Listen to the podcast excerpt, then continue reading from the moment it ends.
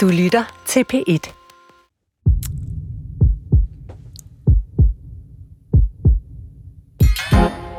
I dag er det store bededag. Og den dag har vi som end fejret siden 1686. Det er altså ikke bare en dag for varme veder med tandsmør, men en gammel traditionel kristen dag i bøndens tegn. I dagens sygt nok vil vi bede for et bedre helbred. Ligesom der sikkert er lyttere derude, som beder for familiemedlemmer, for venner, for sig selv. Jeg er uddannet læge og arbejder til daglig på øh, et hospital, på Odense Universitetshospital. Så jeg har om noget set, hvor stor en rolle religion spiller, når helbredet er i alvorlig krise. Ja, ligefrem livskrise. Men mange danskere er ærligt talt noget uøvet i at praktisere religion. Danmark er, ifølge en spørgeskemaundersøgelse i hvert fald, det næst mindst religiøse folkefærd i Europa. Kun undergået af æsterne. Og selvom tre ud af fire godt nok er medlemmer af Folkekirken, så tror under halvdelen af Folkekirkens medlemmer på Gud. Vi går i kirke til jul, til begravelse, bryllup, dåb, konfirmation, måske påske. Men hver søndag? Gud, nej. Programmets producer har en oplevelse, som meget godt understreger, hvor svært det kan være med de der religiøse traditioner. Victoria Tuvanus far døde forrige år, og da han lå på sit dødsleje på palliativt afsnit, var der en kristen sygeplejerske, som sagde, at de endelig skulle sige til, hvis hun skulle komme og snakke lidt eller bede en bøn. Victoria spurgte sin far, om det var noget, og, og selvom han var max drukket, så sagde han tydeligt nej. Men Victoria måtte gerne bede en bøn. Og så var det altså, at klappen gik ned. Og det endte med at føles, øh, som om hun sagde noget helt banalt og ligegyldigt. Det lå simpelthen bare ikke naturligt i det øjeblik. Velkommen til dagens syg nok, i anledning af Store Bededag om religion og helbred. Og dermed også hjertelig velkommen til mine gæster, Lotte Mørk, hospitalspræst på Rigshospitalet. Tak. Og Niels Christian Witt, teolog og professor i åndelig omsorg på Syddansk Universitet. Tak. Æ, Niels Christian Witt, øh, professor i åndelig omsorg, det må du, du lige forklare. Jamen, det, øh, vi har ikke før haft den slags professorater i Nordeuropa, men det har været i Tyskland, Schweiz et stykke tid.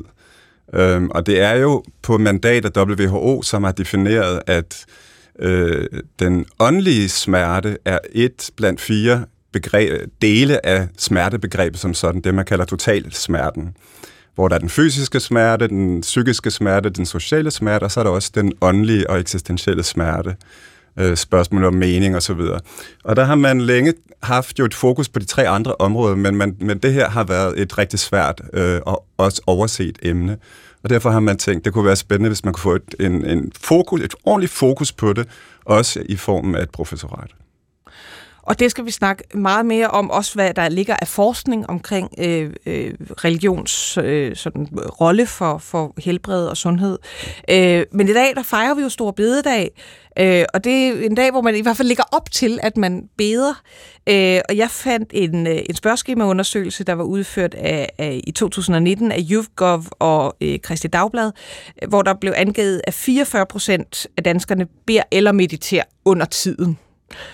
Lotte Mørk, øh, som hospitalspræst, er det et tal, du kan genkende?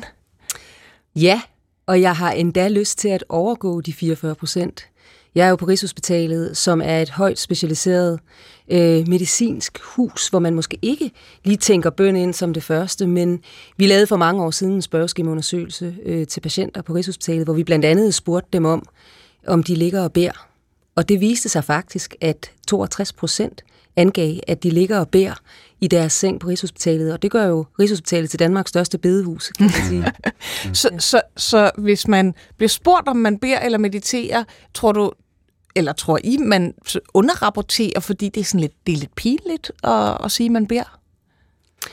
Det kan der måske være noget om. Jeg tænker ikke, at det gør sig så gældende på Rigshospitalet, fordi der er det så åbenlyst, at man er på den. Og hvad mm. gør vi, hvis man er på den? Jamen, så tyrer vi til alt, og også til bøn. Og bøn behøver jo ikke at være ord. Mm.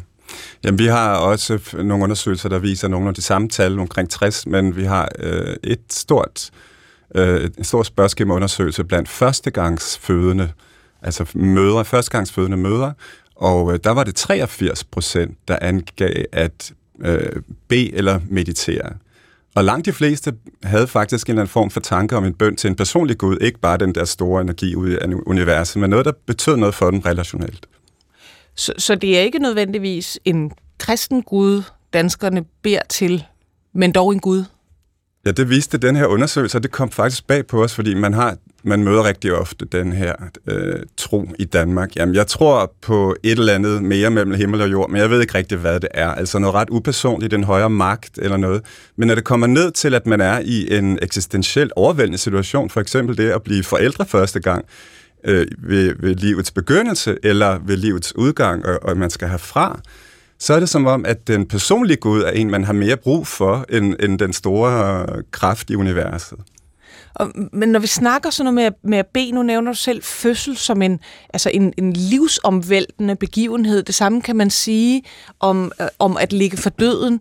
Øhm, hvordan kan det være, at vi trækker religionen og bønden frem der, og ikke i hverdagen? Det tænker jeg, det er ganske simpelt. Det er jo afmægtigheden. Det er jo, når vi virkelig kommer til kort når vi øh, opdager, at vi er dødelige, og at vi er magtesløse over for det at øh, blive syge, eller at vores elskede gør det. Så jeg tænker, at det, det er ikke så mærkeligt. Og, og bare lige for at kommentere det her med den personlige Gud, øh, så vil jeg øh, give Niels Christian ret i, at at jeg tror faktisk, at der er rigtig mange, der har behov for, at det bliver meget konkret, at det er kære Gud. Vi har nogle gæstebøger liggende i Rigshospitalets kirke, der er fyldt over 70 bøger, det kan jeg måske komme nærmere ind på, hvor langt størstedelen af henvendelserne i de her bøger, det er kære Gud, kære Jesus, kære Helligånd. Så det bliver meget konkret, og til det vil jeg bare lige sige, at det moderne menneske, de ved ikke særlig meget om kristendommen. De vil rigtig gerne vide noget om den. Der er faktisk en nysgerrighed og en åbenhed, men de ved ikke så meget i dag. Så når vi siger, at det er en mærkelig måde at bede på, eller det er til en personlig Gud, eller sådan, hvad skal man, når man ikke ved noget om noget, hvis man aldrig har haft et gudsforhold, eller er vant til at gå i kirke? Og det er jo det, jeg tænker, at jeg kan hjælpe med som præst. Men, men øh, tror du så, Victoria Tovinos, så øh, personlige beretning af altså at føle sig som en amatør ud i bønden, og ende med noget, som var for banalt, hun overhovedet kan huske det i dag, er det en et typisk eksempel? Ja, naturligvis, fordi hvis ikke man er vant til at bede, så er det da ikke så, så mærkeligt, at man har det lidt underligt med det. Og det er jo, øh, altså enhver bøn er jo rigtig. Men jeg tænker, at det er jo noget af det, som vi øh, som præster er rigtig gode til, netop ritualer. Vi er vant til ritualer, der har lyttet igennem 2.000 år. Victoria har ikke været vant til et ritual i hendes liv, så derfor bliver det måske akavet. Men rigtigt nok. Ja, Niels Christian? Ja, altså, jeg synes også, det, det her med bøn og praksis og sprog har enormt meget at gøre med øh, at vi danskere, som du nævnte før, er nogle af de mindst religiøse på en række parametre i hvert fald. Man har det jo, altså jeg tror, en af grundene til, at vi er så, så lidt religiøse, det er, at vi scorer kolossalt højt på følelsen af kontrol. Altså, at velfærdsstaten fungerer virkelig godt i Danmark. Og øh, vi, vi er jo kendt for at være nogle af de lykkeligste folk i verden, i hvert fald tilfredse. Øh, og, og forskning viser simpelthen en sammenhæng mellem følelsen af kontrol og behovet for religion eller behovet for Gud. Det er som forbundne kar. Så jo mere man går rundt konstant og føler sig bolstret med, og polstret med en, en følelse af kontrol, fordi tingene fungerer egentlig meget godt, så, er det, så har man mindre behov for at række ud til noget, noget guddommeligt eller noget religiøst. Og så er det jo, man må spørge, hvor er det så kontrollen, den ikke føles så stærk? Altså det er jo i høj grad, når, når livet begynder ved en fødsel, det er jo en enormt skrøbelig følelse, man, man er med som forældre. Og i omvendt, når man bliver rigtig, rigtig syg. Man plejer jo at sige, der er ingen ateister i et fly, der styrter ned. Og, og det gælder altså i høj grad, altså metaforisk også på, på kraftområdet og på hospice, og det kan Lotte sige meget mere om også, ved jeg. Det er jo selvfølgelig vores møde som det moderne menneske, hvad, hvad det er for et menneske. I hvert fald den her del af verden. Vi er så vant til at have kontrol. Vi er så vant til at vide, hvad der skal ske i morgen og næste sommer og til jul. Så når vores, hvad skal man sige, verden og vores fortælling om os selv pludselig går i stykker, hvilket den jo gør, når vi bliver syge, eller vores elskede gør, det er jo der, vi begynder at sige, jamen okay, det kan da godt være, at jeg har haft en eller anden form for tro eller øh, religiøsitet, men det er en, en tro, jeg selv har sammensat med, med, jeg tror på lidt af kristendom, lidt mm. fra Østens mystik, lidt på lidt psykologi og filosofi. Vi sammenstrikker vores eget gudsbillede, og det er jo glimrende, så lang tid livet går godt. Mm. Men så snart vi får modvind, og vores egen livsfortælling går i stykker, så går vores egen fortælling om Gud, vi sælger stykke sammen, den går også i stykker. Og det er jo der, man har brug for at blive fortalt ind i en ny, en større fortælling. Men, men hvis, det, hvis det handler så meget om om kontrol og, og, og følelsen af magtesløshed. Nu, nu står jeg over for to religiøse mennesker. Er I, føler I jer mere magtesløse end gennemsnittet af danskere? Det er et godt spørgsmål. Altså, jeg, jeg voksede op i et øh, stille og roligt øh, rungstedmiljø i, i, i 80'erne, og tænkte absolut ikke på tro og, og Gud. Men der var bare noget mere, som jeg var begyndte at blive meget interesseret i. Der måtte være mere mellem himmel og jord. Så jeg begyndte at læse teologi, som, fordi jeg synes, det var det mest interessante. Om det har været, fordi jeg har følt mig magtesløs, det følte jeg ikke på det tidspunkt. Øh, men der er jo situationer, som, som vi jo på et eller andet tidspunkt alle sammen kommer i, uanset hvor professionelt vi føler, vi går igennem livet, øh, hvor, hvor der åbner sig nogle sprækker. Om vi er øh, som religiøse mennesker mere magtesløse end andre? Nej, vi har bare erkendt den magtesløshed, og er måske ikke, jeg kan tale for mig selv, mm. er måske ikke så skræmt af den. Altså, det er jo det, vi bruger troen til. Troen på, at der er et fællesskab i den her afmagt, som vi alle sammen har med os som et menneskeligt vilkår. Mm. Og jeg vil bare sige, at jeg er vokset op i et stille og roligt kvarter i Odense, hvor der heller ikke har været kirkegang hver søndag, men jeg blev troende, før jeg blev præst, vil jeg bare sige, og det er ret vigtigt for mig. Mm. Men, men, men hvis man så er øh, øh, en gennemsnitsdansker, som ligesom hiver religionen og troen på Gud frem, øh, når det virkelig, øh, altså lokummet virkelig brænder, mm. er, er det så et udtryk for en erklæring, at man er for dårlig i hverdagen til at håndtere øh, livets magtesløshed og tilfældighederne, der kaster, kaster os rundt? Det er jo noget af det mest naturlige. Altså, det er jo sådan, at vi, når vi ikke føler, at vi har kontrol, så må vi jo dele kontrol med, nogle, med noget, noget andet, vi måske kan tro på eller håbe på. Og, og selvfølgelig gør man jo som et troende menneske altid øh, alt, hvad man kan for at blive rask igen. Det er jo ikke som, at man bare øh, lægger sig ned og siger, nu, nu må Gud gøre mig rask. Øh, tværtimod. Altså, bliver, så er der jo mange øh, undersøgelser om troende mennesker, som viser, at troende betragter lægen som Guds mekaniker. Eller Gud. Det, det kan jeg så afvise. det, det er meget så, så langt rækker vores magt øh, desværre ja, ikke.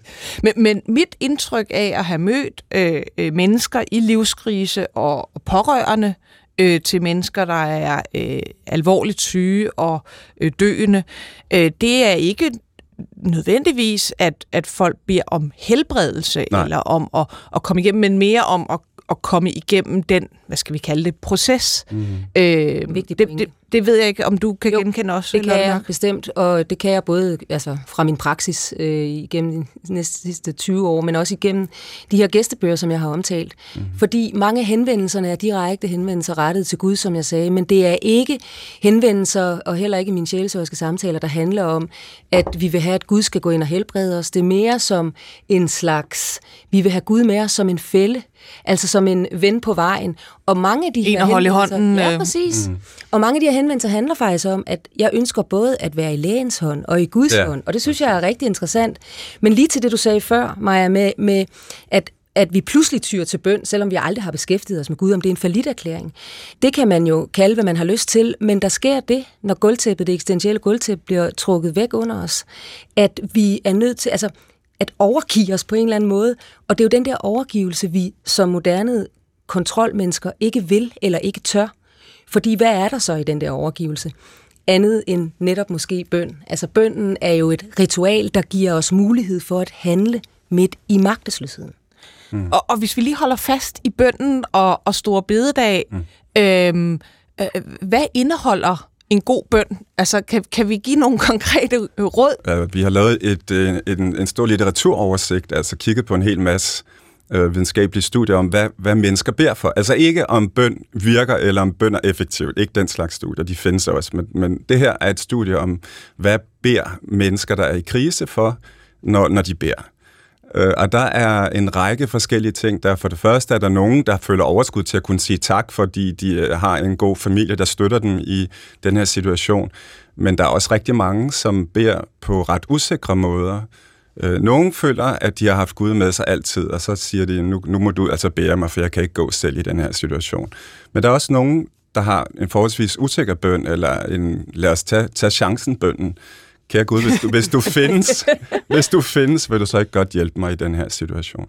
Altså, den slags bøn findes også og er meget, meget udbredt. Øh, jeg kan supplere fra praksis, selvfølgelig. Øh, jeg har sådan lyst til at sige, at mange gange handler bønden om taknemmelighed. Mm. Også selvom man er på kanten af livet. Og det synes jeg faktisk er ekstremt smukt. Den handler også om alle mulige andre ting, klager, og den handler om at finde mening med det hele. Hvorfor er du så ond, Gud? Hvorfor lader du mig lide igen og igen?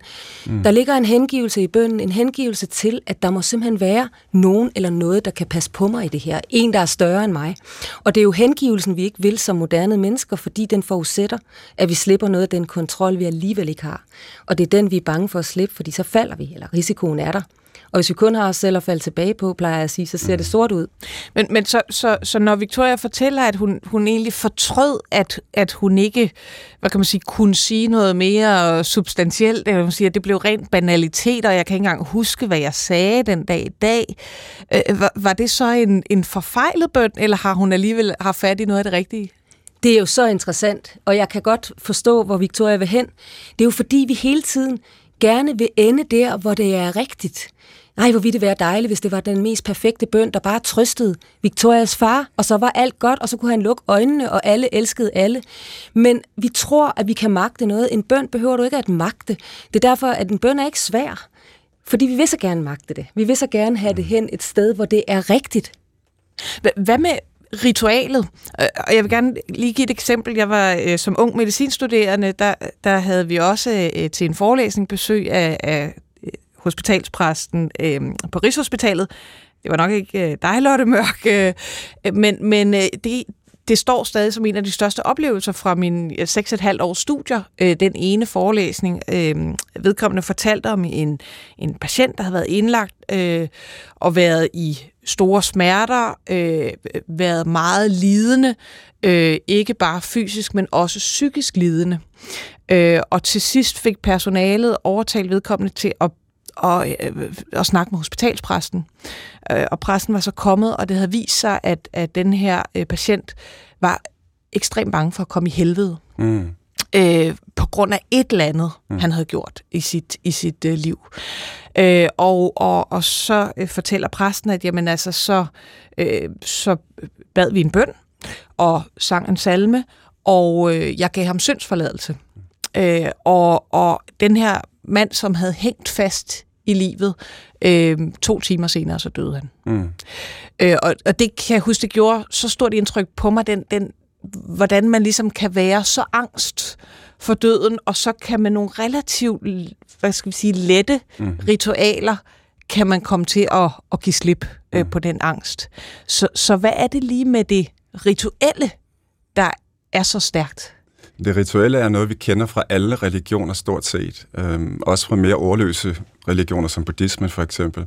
Men, men ikke mindst også i kristendommen er det jo med det, vi kalder sakramenter for eksempel, som er meget, meget vigtige i den katolske tradition, men sørger også i en folkekirkelig kontekst. Du må lige forklare sakramentet. Ja, sakramenter. Det er jo, det er jo sådan noget som nadveren for eksempel, eller dåben. Altså de, de store livsbegivenheder, når man bliver, født, og når man skal herfra, det er også et form for sakrament at blive begravet, eller det minder i hvert fald om, det er et meget stærkt ritual. Øhm, men ritualer er jo alle steder, og det er lidt som om, at vi har brug for ritualer. Vi ved jo også fra placeboforskning, at, at det, der er effektivt, siger man nu, i placebo, det er faktisk medicinske ritualer. Altså det er, det, det mest effektive, siger forskning, er jo faktisk at blive opereret.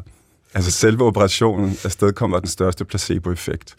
Men ritualer er alle steder, når en læge kommer ind med et stetoskop og tager det frem. Det minder jo lidt om præsten med sit røgelseskar, som kommer ind. Ikke? altså, de er, det er alle steder. Hvorfor er det stadigvæk? Det er jo enormt interessant, når en, øhm, en person dør, så er det jo rigtig ofte, at sygeplejerskerne lige før personen dør, siger, at det vil være, være tid til, at vi skal åbne vinduet, så patienten kan få lov til at dø. Vi lever i en meget videnskabelig virkelighed i sygehusvæsenet og sundhedsvæsenet, Øhm, hospitalet er et meget teknisk sted, men det er som også et åndeligt og et eksistentielt sted, hvor alle de her ting betyder meget og fylder enormt meget i patientvirkeligheden. Lotte Mørk, hvordan bruger du ritualer? hver dag, hele tiden. Men for mig er det at bede en lille bøn afslutningsvis efter en sjældesørisk samtale, det er et ritual. At så er det jo en bøn, der handler om det, vi har talt om. Øh, en slags evaluering. Der er nok at bede om efter sådan en samtale. Og øh, så ritualer kan være mange ting. Ritualer, når jeg kommer på traumacentret til en ulykke. Hvad skal man stille op med den der familie? Vi skal ikke snakke om mening eller hvorfor. Der skal ikke snakkes så meget i de mm. situationer. Mm. Øh, ritualer kan nemlig det, at de taler til vores hjerte ikke til vores hoved, som i mange situationer er gået i stykker, og hvor man ikke kan, kan klare store forklaringer. Ritualer bruger vi ved overgangen. Øh, ritualer ændrer et rum.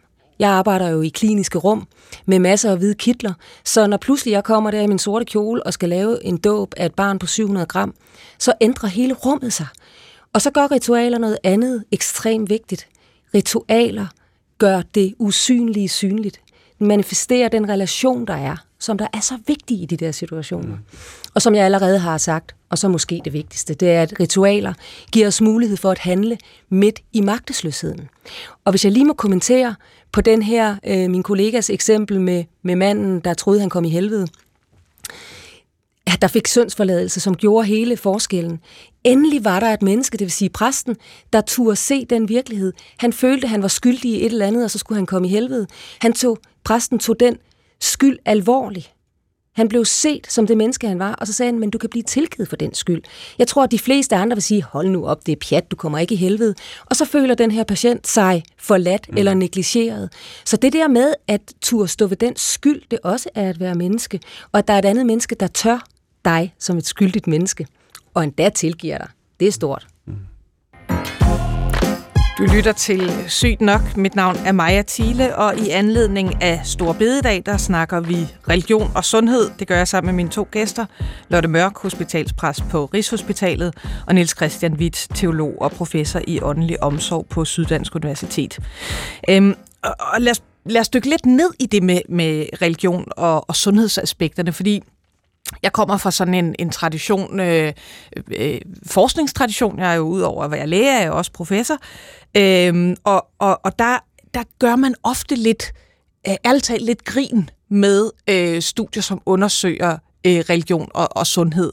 Eller det har der i hvert fald været før. Altså, der har været sådan nogle eksempler, øh, især fra USA, hvor man har lavet øh, fjernbøn for, mm. for, for patienter, og så kunne man se, at det hjælp. Og så var der en anden forskningsgruppe, som lavede retrospektiv fjernbøn, for ligesom at vise, for fjollet det var. Altså, øh, sad og bad for øh, nogle patienter, som havde været indlagt for to år siden, øh, for, for at vise, hvor, hvor fjollet forskning det var. Der er altså, den, studie, som er blevet øh, latterliggjort mange Lige præcis. Mm. Øh, men Niels Christian, du, du tager det jo ikke, øh, gør det jo ikke for sjov. Mm. Så, så, så igen øh, med sådan nutidens briller, hvor man forhåbentligvis lægger de der lidt fra sig. Hvad, hvad, hvad gør man nu, når man forsker i, i religion og, mm. og helbred? Jamen, det er jo det, vi har arbejdet med de sidste mange år, øhm, og, og jeg har også mine, og det har vi også udgivet i en bog fra 2004, Christoffer Johansen, øh, en kollega fra Kraftens Bekæmpelse og jeg, om de her øh, studier omkring fjernforbøn, øh, hvor vi har en hel række både metodiske og men også teologiske forbehold.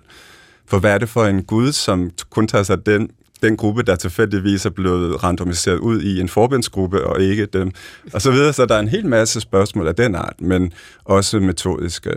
Ellers er langt den, den meste øh, forskning på det her felt kommer fra USA, øh, som vi jo sammenligner os med, og som vi føler, at vi er på højde med videnskabeligt på en hel masse parametre. Men religiøs er det jo en helt anden kultur. Så vi har ikke synes, at vi bare kunne importere den viden, den empiri omkring åndelige behov fra USA. Vi er nødt til at finde ud af, hvad der gælder i Danmark. Og derfor bedriver vi øh, forskning med, med de metoder, som er anerkendte i en videnskabelig kontekst, men både store kvantitative spørgeskemabaserede undersøgelser og også registerbaserede undersøgelser. Men, men, hvad, men også hvad, kvalitative studier, det er dem, der har fyldt mest, hvor vi er ude at interviewe patienter for eksempel. Hvad ved man så om ja, kombinationen af religion og helbred? Det er det, der er enormt spændende. Der er masser af helt basis øh, informationer, man kan give, men der er også en række kompleksiteter i forskning, som vi først er blevet opmærksom på, synes jeg, rigtig grundigt, øh, ganske sent i nogle, i nogle studier. Øh, men helt basalt, så er der dokumenteret en bevægelse fra øh, tro, og her mener jeg tro som noget, der lever i mennesker, noget, der giver dem håb, som påvirker deres hverdag, og som måske også har gjort det et stykke tid, helt ned i, hvordan man betragter sig selv og sin krop og det, man spiser. Altså tro som noget, der er velintegreret. Den form for tro øh, er forbundet med bedre helbred på en hel række parametre. Så det er, det, som, det er den metafor, som vi så ofte bruger, det er, at tro flytter bjerge. Men der er mindst lige så meget, hvis ikke mere forskning, der viser, at hvis der er noget, der skaber bevægelse i vores tanker om virkeligheden, om verden, og også vores tro på mere mellem himmel og jord, så er det at møde et sygdomsbjerg på vores vej. På den måde kan man sige, at bjerget flytter troen. Øh, så det er sådan to kræfter, som vil virke lidt mod hinanden, når man så laver forskning inden for det her felt. Men det er sådan helt basalt. De, og, og det har man tusindvis af studier, som dokumenterer på en række forskellige måder. Altså, at, at du kan simpelthen rykke dig trosmæssigt ved at, at møde en stor helbredskrise eksempelvis. Ja, lige præcis. Men også det omvendte, altså, at, at en velintegreret tro, det vi kalder hviletro, øh, er ofte forbundet med markant bedre helbred på en række parametre. Så, så øh, jeg, jeg kan jo ærligt sige, at jeg er ikke troende, øh, og i hvert fald ikke på ja, en Gud. Øh, og, og, og hvis jeg nu satte mig ned og læste øh, dine øh, øh, udgivelser og dine kollegers udgivelser, så tænkte jeg, det skal jeg godt nok... Øh, jeg vil da gerne lige sænke mit blodtryk og mit kolesterol så lidt. Øh, altså, så var det ikke det, der var muligt. Det, det, det, vi har faktisk ikke nogen studier, der viser, om det gør en forskel at Lige blive de troende ting, for at leve længere. altså, så det, det kan vi ikke konkludere. Nej. Så det er jo noget, der, det, det er studier, der viser, at troen er en større virkelighed, end bare lige at tro på et eller andet komma i et eller andet, en eller andet tekst. Men det er noget, der går ind i hele livet og påvirker øh, for de fleste troende mennesker påvirker hele livet. Også hvordan man lever, hvordan, hvad man spiser. Hvorfor? Altså, hvorfor skulle troende mennesker være sundere end ikke-troende? Det er der en række forklarende årsager til, som ikke er så hokus pokus-agtige. Altså for eksempel hedder det jo i, i Bibelen, øh, at, at kroppen er Helligåndens tempel. Og i en række andre religioner er der den samme tanke om, at kroppen er ikke bare et eller andet øh, køretøj, vi er kører gennem livet med, men det er faktisk noget, som er, er gudgivet, når vi skal passe på. Øh, en af vores tid, og i hvert fald fremtidens største dræber, det er jo ikke rygning eller depression, som har været nævnt som, som de største ofte, men det er jo faktisk ensomhed. Og hvis der er noget, som et øh, religiøst fællesskab kan beskytte imod, så er det i høj grad ensomhed. Mm. Hvis vi lige tager et skridt tilbage, altså selve spørgsmålet, skal man, skal man lave hvad skal man sige, forskning, hvor du tæller procenter og måler mm. og mhm. vejer og ja, tager blodtryk og måler livslængde osv., skal man kombinere den type forskning med noget, som er så ja, metafysisk som som religion? Det er jo et meget, meget interessant spørgsmål. Mm. Altså, hvor går grænserne? Jeg er jo generelt meget på vagt, når, når, jeg, når jeg tænker tro sammen med tal. Og det er jo også noget af det, jeg synes, jeg er ansat til at forstyrre den tankegang, altså på Rigshospitalet eller i sundhedsvæsenet generelt.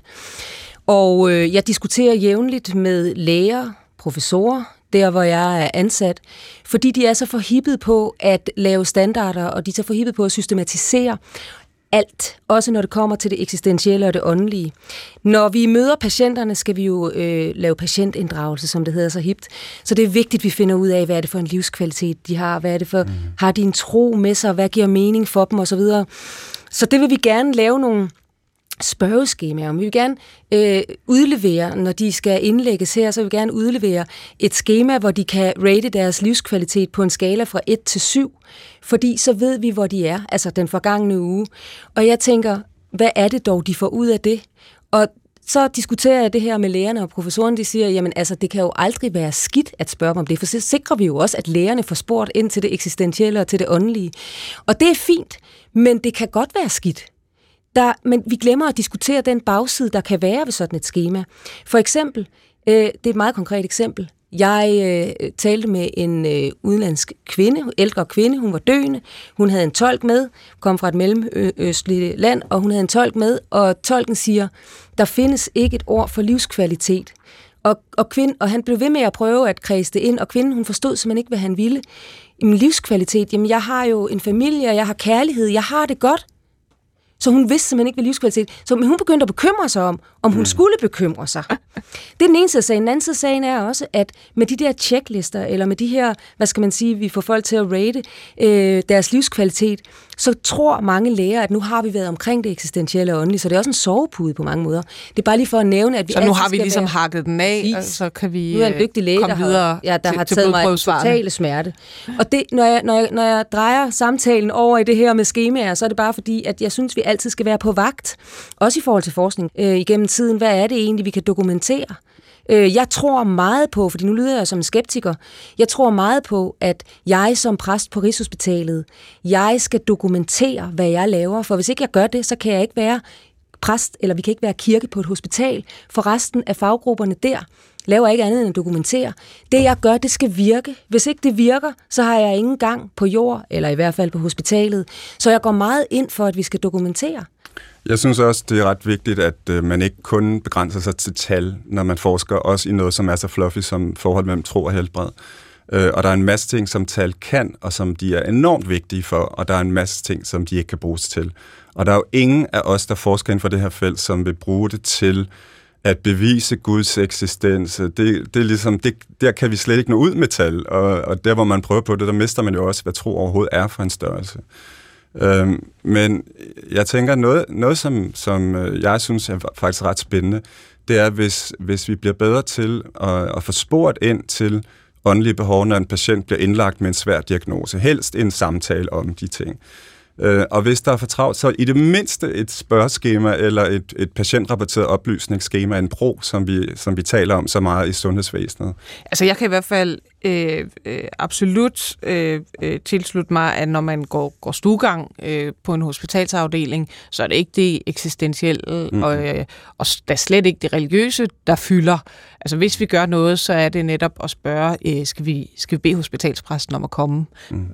Burde det ligge længere oppe på prioriteringslisten? jeg synes, det er fuldstændig naturligt. Jeg har selv været patient øh, mange gange desværre, og jeg forventer, at lægen ligger en hardcore behandlingsplan.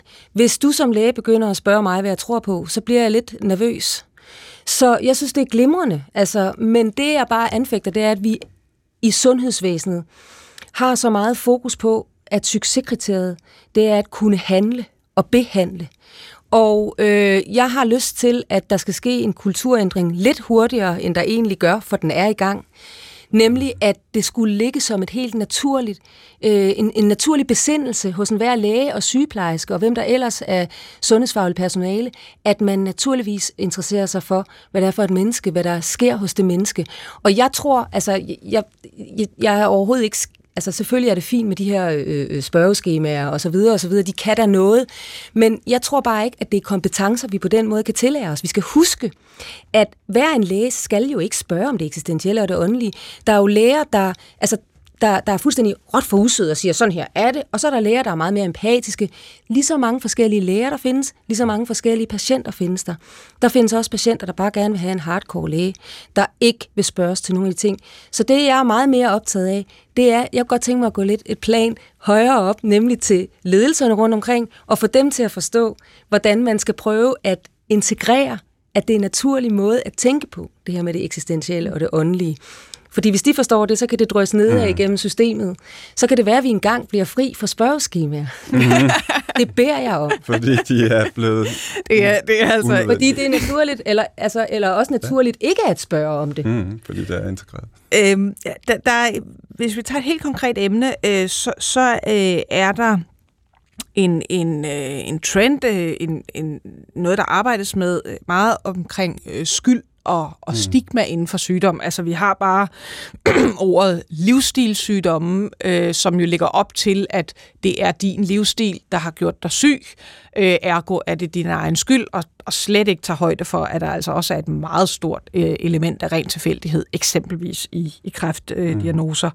Øh, mm. øh, kan, man, kan man bruge religionen her til at jamen, fjerne noget af den skyld, som ikke nødvendigvis øh, er en øh, god ting, eller ikke altid mm. i hvert fald er en god ting.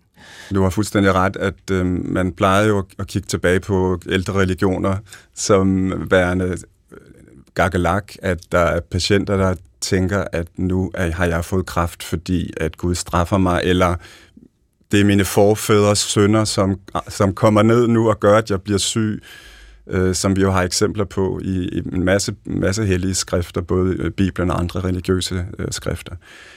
Men det interessante er jo, at rigtig mange patienter i vores tid, i det moderne Danmark, tænker i baner, der minder om det her. Så kan det godt være, at man ikke sætter Gud, men det er der altså også patienter, der tænker, åh, nu, nu fik jeg cancer, fordi det var den abort, da jeg var 17. Nu kommer Guds straf. Altså, hvor gudsbilledet bliver noget meget negativt.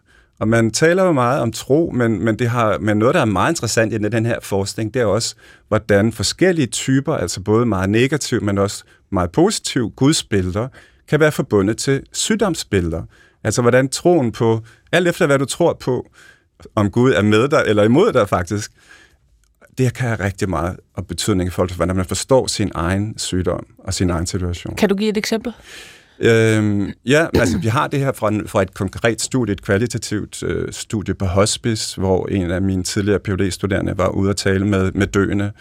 Og der var for eksempel en, som, som hun talte med, som sagde om sig selv, jeg er ikke troende, jeg er aldrig sådan rigtig kommet i kirke osv. Nej, det er fint. Så talte de om, hvad der så var vigtigt for hende, nu hvor hun vidste, hun var død, og hun døde nogle få dage efter. Pludselig så bryder hun ud, jamen hvad nu, hvis jeg var kommet i kirken, så kan det være, at jeg ikke havde ligget her i dag. Og hun havde aldrig haft en samtale med nogen sygehuspræst eller hospicepræst, men, men det, at der havde været det her interview, gjorde, at, at man med respekt for tavshedspligt og så videre, at der blev faciliteret en samtale med hospicepræsten, og hun døde i en, en anden, en anden, et andet stemningsleje, end hun havde været i før. Og jeg synes, det er sådan et godt eksempel på, at her var der virkelig et troende gudsbillede. Jeg kan da godt forstå, at hun ikke betegner sig selv som troende hvis den Gud, hun troede på, var en Gud, som var ubehagelig, eller en, som ikke kunne give lindring i, i hendes tanke. Så jeg synes, når folk siger, jeg, jeg, jeg er ikke troende, så kan man spørge, hvad er, det, hvad er det for en Gud, du ikke tror på? Så tror jeg meget ofte, vi, som er, har været troende måske lidt længere tid, siger, den Gud kan jeg, tror jeg heller ikke på. Men, men det, er jo, det er jo en gammel tradition at have en straffende Gud. Altså hvis man læser det gamle eh, testamente, så er man da ikke i tvivl om, at øh, hvis, man, hvis man syndede, så var der øh, straf øh, ved, ved første skranke. Mm. Så, så, så det er vel ikke så underligt, at, at det billede stadig resterer efter århundredets indpisken. Ja. Nej, og det er, det er så interessant. Jeg tror, der er mange, der stiller det her store hvorfor-spørgsmål, når de bliver syge. Særligt altså på Rigshospitalet er folk ret unge, i hvert fald dem, jeg taler med. Så det er jo mm. klart, der stiller man det spørgsmål, hvis man er 37 og skal dø for sine små børn. Hvorfor rammer det her mig? Hvad er meningen? Hvad har jeg gjort? Mm. Det er uretfærdigt. Er det en straf? Mm. Er det Guds straf? Vi lever i 2022. Folk taler med mig. Ikke hele tiden, men Indimellem taler folk med mig om, om det er Guds straf, de er blevet syge. Og jeg tror, vi vil gå langt for at få svar på det der hvorfor-spørgsmål. Søg efter svaret i det lægevidenskabelige. Og mm. det lægevidenskabelige kan svare langt hen ad vejen, men, men jeres svar slipper jo også op. Og det betyder ikke, at vi står med at spørge hvorfor. Så vil vi bare søge efter svaret et andet sted, som for eksempel i det religiøse. Og det kan både være som en kæmpe støtte, som Niels Christian også er inde på, og som en kæmpe byrde. Men jeg tror mange gange, når vi søger efter svaret i det religiøse, så er det fordi, vi gerne vil have, at der er mening med det hele. Altså, vi skal kende årsagen, forklaringen. Normalt vil vi gerne gå langt for ikke at tage skylden på os, undtagen når det handler om noget så alvorligt som sygdom. Så vil vi gerne tage den på os, bare for at finde en forklaring. Mm. Og det giver os noget kontrol. Mm. Fordi hvis vi har et eller andet hængt det op på, så er det ikke så meningsløst. Og her er pointen, jeg tror, det er meningsløsheden, vi er så bange for at være i. Fordi, og vi kan heller ikke holde til at være i meningsløsheden ret lang tid ad gangen. Og det er derfor, vi vil gøre så meget ud af at finde mening med alting. Og der er ikke nogen mening med sygdom. Selvfølgelig er der ikke det. Ej, og man kan jo også altså, helt øh, ureligiøst argumentere med, altså, at mutationer i ens arvemasse, eller i en, en celles arvemasse, som så gør, at det udvikler sig til en kræftcelle, øh, øh, hvor det ellers ikke er, det er jo komplet tilfældigt. Mm. Og så kan der være nogle risikofaktorer, som, som gør det mere eller mindre sandsynligt, men det er stadigvæk øh, udelukkende en ja, procentvis. Siger lægen. Sandsynlighed, ja. Siger lægen, vel at mærke. Og du lytter til Sygt Nok, og mit navn er Maja Thiele. Det er mig, der er øh, lægen, øh, i hvert fald til hverdag, med mig i studiet til at tale om religion og sundhed og helbred er Lotte Mørk, hospitalspræst på Rigshospitalet, og Niels Christian Witt, teolog og professor i åndelig omsorg på Syddansk Universitet. Øhm, Niels Christian Witt, øh, du har været med i et, et andet øh, P1-program, øh, Tal til mig, og, og der nævner du øh, religion som sådan et, et tabu, mm. et moderne tabu. Vil du ikke prøve at forklare det? Ja, det har vi rigtig meget, øh, der viser, at det er. Der er blandt andet en undersøgelse ved Gallup og Berlingske Tidene fra 2016, øh, hvor man spurgte danskere, hvad er for dig det største tabu? Og det, som flest sagde var det største tabu, det var psykisk sygdom. 28 procent sagde, det var psykisk sygdom. Det er jo noget, der er så, gør så ondt, og det er så, så, der er så lidt kontrol ofte med psykisk sygdom. Men lige efter med 24 procent kom religion og tro. Så var der 17 procent, der ikke vidste, hvad, hvad de skulle sige til det spørgsmål. Men øh, igen, 13 procent, ja, ja. der kom døden. Og jeg tænker jo også, at død og religion øh, øh, hænger på mange måder enormt meget sammen, fordi det er ultimativt øh, ubekendte på mange måder. Øhm, så der er helt klar en tendens i Danmark til, at øh, øh, tro og religion er blevet meget tabubelagt. Vi har mistet sproget for det, og det, som så er komplekst, og, og det er, at behovene er der stadigvæk, men vi føler os ofte enormt magtesløse, når vi ikke har længere det sprog, den samtale, det væren omkring øh, krise, omkring meningsløshed og omkring noget at tro på. Men altså, vi har at gøre med to øh, som med dine ord totalt ubekendte, øh, død og religion. Ja. Det er ikke noget, vi øh, kan måle og, og veje på. Hvor, hvorfor er det så svært at, at snakke om? Jamen, det er jo netop, fordi vi så gerne vil have facit, øh, to streger under de ting, som er vigtige for os i livet, og som vi går igennem livet med. Altså, man skal ikke tro, man skal vide, det gamle diktum, ikke? Det har helt klart påvirket vores kultur. Og, øhm, og så tænker jeg også det her med kontrol, øh, ønske om kontrol, og der kan, der kan vi øh, ofte, tænker vi, vi kan klare os ud af tingene, og det kan vi bare ikke altid i mine øjne, så er tro jo netop noget, man tror på. Det, man behøver ikke at vide. Man Præcis. tror jo.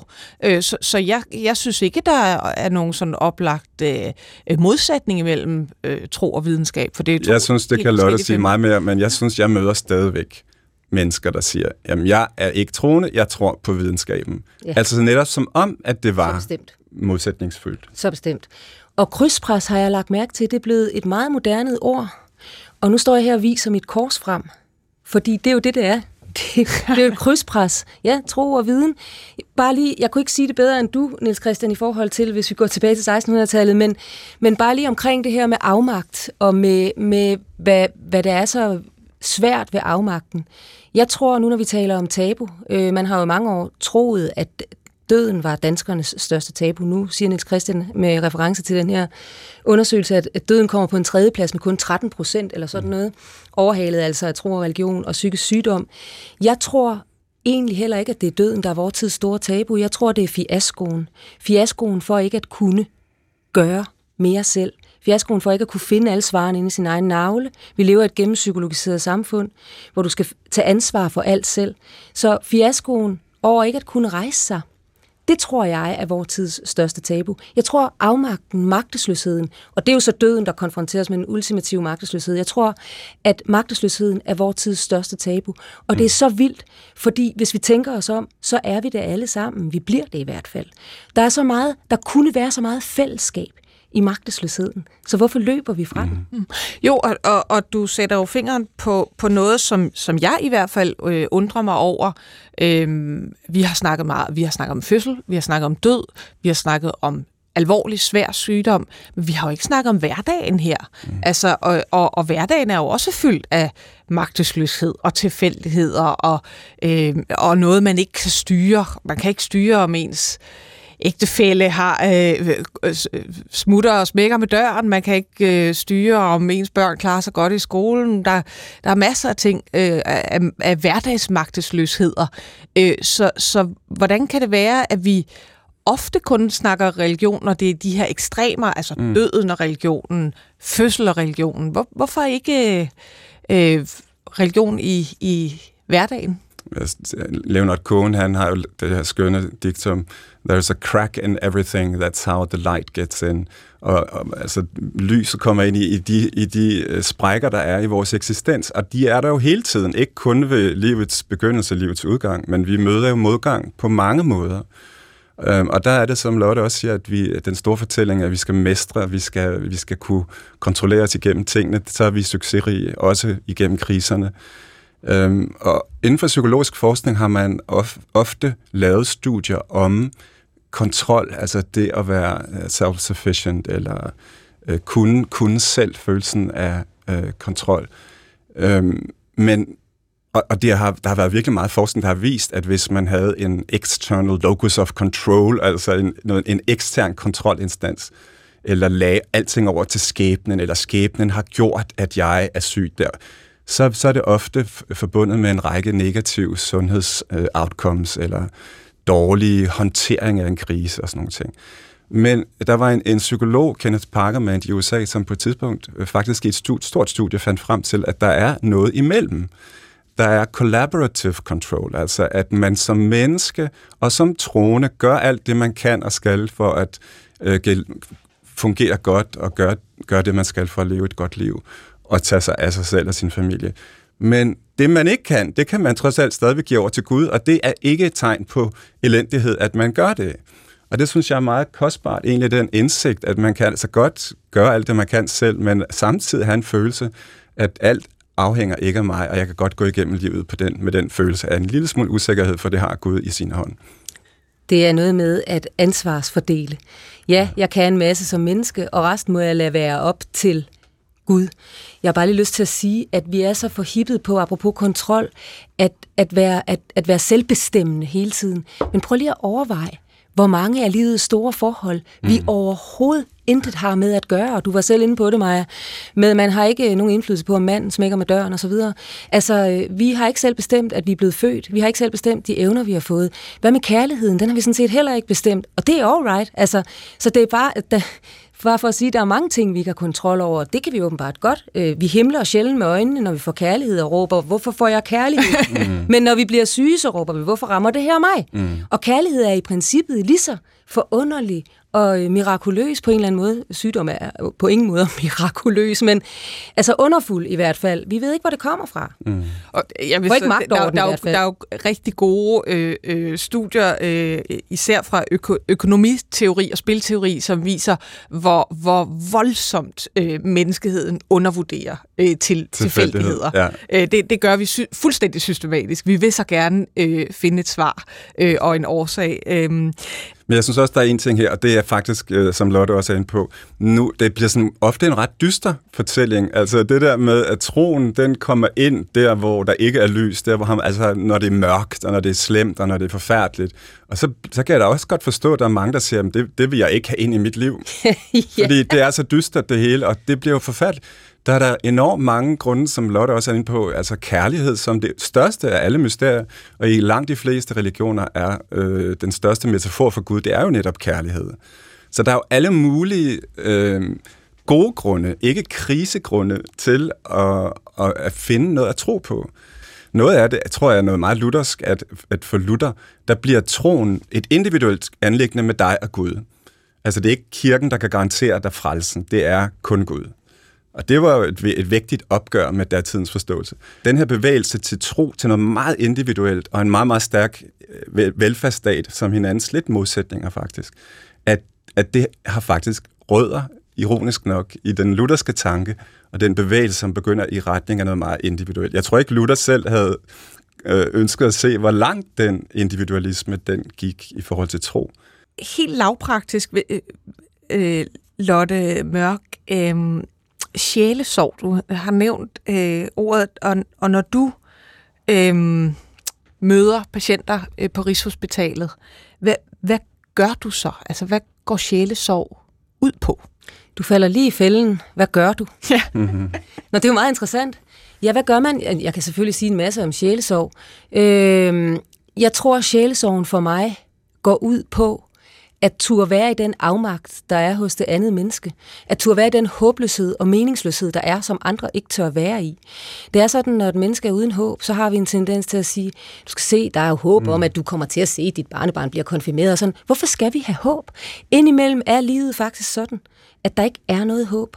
Og når du er håbløs, og der ikke engang er nogen mennesker, der tør være der med dig, så er ensomheden ikke bare stor, den er kolossal. Så jeg tænker, sjælesorgen er, øh, at, er vigtig, fordi at, at man skal ture som sjælesøger gå ind i det her afmagtens rum, og der kan man kun gå rigtigt ind, hvis man selv tør være i kontakt med sin egen afmagt. Og det tør man, hvis man har en tro, der handler om, altså prøv at høre, det handler jo ikke om, jeg er troende menneske, og det betyder ikke, at jeg ikke har dødsangst. Tro mig, det har jeg, fordi jeg elsker livet. Men jeg kan ikke jeg kan ikke gå ind i det der afmagtens rum uden en tro på, at jamen, det kan da godt være, at du står og skal dø lige om lidt, så går der en rum tid, så skal jeg også dø. For det er jo lige præcis det, der er i det. Det kan godt være, at vi er to forskellige mennesker, men vi har i hvert fald det til fælles, at vi har et liv og en død. Og det er der så meget fællesskab i. Og så er sjælesøvn, altså det er meget, meget vigtigt med sjælesøvn, det er i modsætning, og det vil jeg nærmest sige i modsætning til psykologien eller terapien, det er, at sjælesorgen ikke går ind og kigger indad. Altså, jeg beder ikke den anden om at finde ansvaret eller finde løsningen inde i den andens selv. Jeg siger, tag og vend blikket ud fra egen navle, ud mod omverdenen, og måske endda op mod himlen, hvis man tror på den slags ting. Så det der med at rette blikket udad, i stedet for at have blikket rettet indad, og sige, prøv at høre, du behøver ikke selv tage ansvar for det, du ikke kan tage ansvar for jeg vil gerne hjælpe dig med at tage ansvar. Og så lad os bede Gud om resten. Så det, det tror jeg er en stor forskel mellem terapien, psykologien og sjælesorgen. Mm. Du sætter jo fingeren på, på det om, om tabu, som vi har snakket om, at der er jo øh, mange, der oplever, øh, at når alvorlig sygdom rammer, så pludselig så forsvinder øh, rigtig mange fra omgangskredsen. Mm. Øh, simpelthen fordi det er svært at være i. Det er svært, at, at man ikke kan give håb, at man ikke kan sige, at det skal nok blive bedre, og du skal bare øh, ja, tage det her medicin og, og gøre, hvad du vil. Er det, er det der, hvor øh, ja, du og dine medpræster for alvor kan noget? Jo, men prøv at høre, øh, du vil også kunne noget. Jeg tror, det er det, jeg også øh, turnerer øh, rundt land og rige øh, med foredrag om, at øh, vi skal turde være i den afmagt, fordi det folk ikke forstår, det er, at der lige præcis i den håbløshed eller afmagt eller meningsløshed opstår noget helt særligt i det der fællesskab. Håbet vokser ud af den håbløshed. I det øjeblik, der er et andet menneske, der tør din afmagt, så sker der simpelthen noget. For så er vi fælles, og så, så vokser der noget nyt frem. Altså, jeg har lyst til at bruge ordet en forløsning. Det er sådan set tit det, der sker. Prøv at høre, når folk de går ud af mit kontor, så er der jo ikke sket en ændring. Altså, de er jo ikke blevet raske, de er jo ikke blevet glade. De smiler sjældent, når de går ud af mit kontor. Men hvis de siger, tak, det var en forløsning, eller det var en lettelse, så synes jeg, at det er en kæmpe succes. Så lad os tale om, hvad succeskriteriet i virkeligheden er. Mm nu kommer vi jo så lige lugt tilbage til det mørke øh, igen, mm. Niels Christian Witt. Mm. Ja. Er, er, det bare, er det bare der, hvor vi henter religion frem? Altså, altså man, der har været en tendens, også i forhold til sådan nogle som Lotte, altså sygehuspræsterne, øh, til at øh, hvis en sygeplejerske kunne finde på at sige til en patient, øh, ved du hvad, du er rigtig ked af det, kan jeg høre, og du er bange for at dø. Vi har faktisk øh, et tilbud, som hedder en sygehuspræst, så oplever simpelthen så mange sygeplejersker, at patienten siger, Gud, skal jeg dø i morgen, siden ja. du allerede kalder Det er mytologien, ikke? Jo, og sygepræsten får så den der betegnelse som dødsenglen, eller manden med len, eller damen med len. Det er jo enormt ærgerligt, fordi sygepræster kan også komme ind og give liv, og give glæde, og give kærlighed. Øhm, og jeg tænker egentlig, at for, for de fleste mennesker er tro noget... Altså, der er ingen, jeg har det her professorat i åndelig omsorg. Det er ikke bare præsters omsorg. Det er tænkt som at, at vi alle er medmennesker, uanset hvor teknisk uddannet vi er som læger ofte. Vi er medmennesker, først og fremmest medmennesker. Og der kan vi være i det rum, hvor vi ofte måske til sidst ikke kan fikse ting, men vi kan give håb, øh, som kan være lidt større end bare øh, behandlingen. Og bare lige, altså det, det, der er interessant her, når jeg siger, at det er vigtigt at kunne være i markedsløshedens rum, det er, og det er det måske, der er mange, der ikke kan forestille sig, hvor meget liv og hvor meget mening der er i håbløsheden. Fordi mm. når folk er fortvivlede, så taler de jo netop om det, de er bange for at miste. Og det er som regel det, man elsker. Og jeg kan godt fortælle jer, at det er meget livskraftigt at tale med et andet menneske om det, man elsker, og dem, man elsker. Vi slutter simpelthen af med øh, dagens sygt nok øh, øh, for øh, i, her på øh, Store Bededag med en bøn. Og øh, øh, Lotte Mørk, hospitalspræst på Rigshospital, vil du bede? Det vil jeg. Lad os bede sammen. Kære Gud, himmelske far, tak for livet, som vi har fået at leve, og særligt tak for alle dem, vi har fået at leve livet sammen med. Hjælp os, når vi føler os afmægtige, når vi ikke kan finde håbet, eller finde mening med noget som helst. Og lad os vide, at vi er i din hånd, og at du viser os en vej på trods.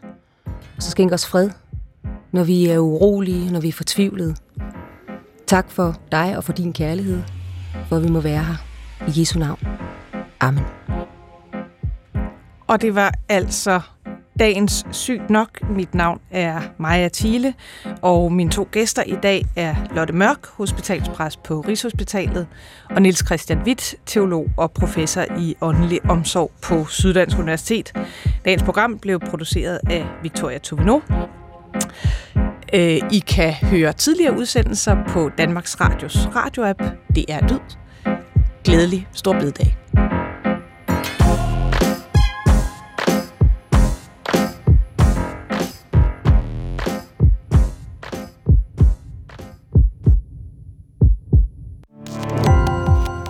Gå på opdagelse i alle DR's podcast og radioprogrammer. I appen DR Lyd.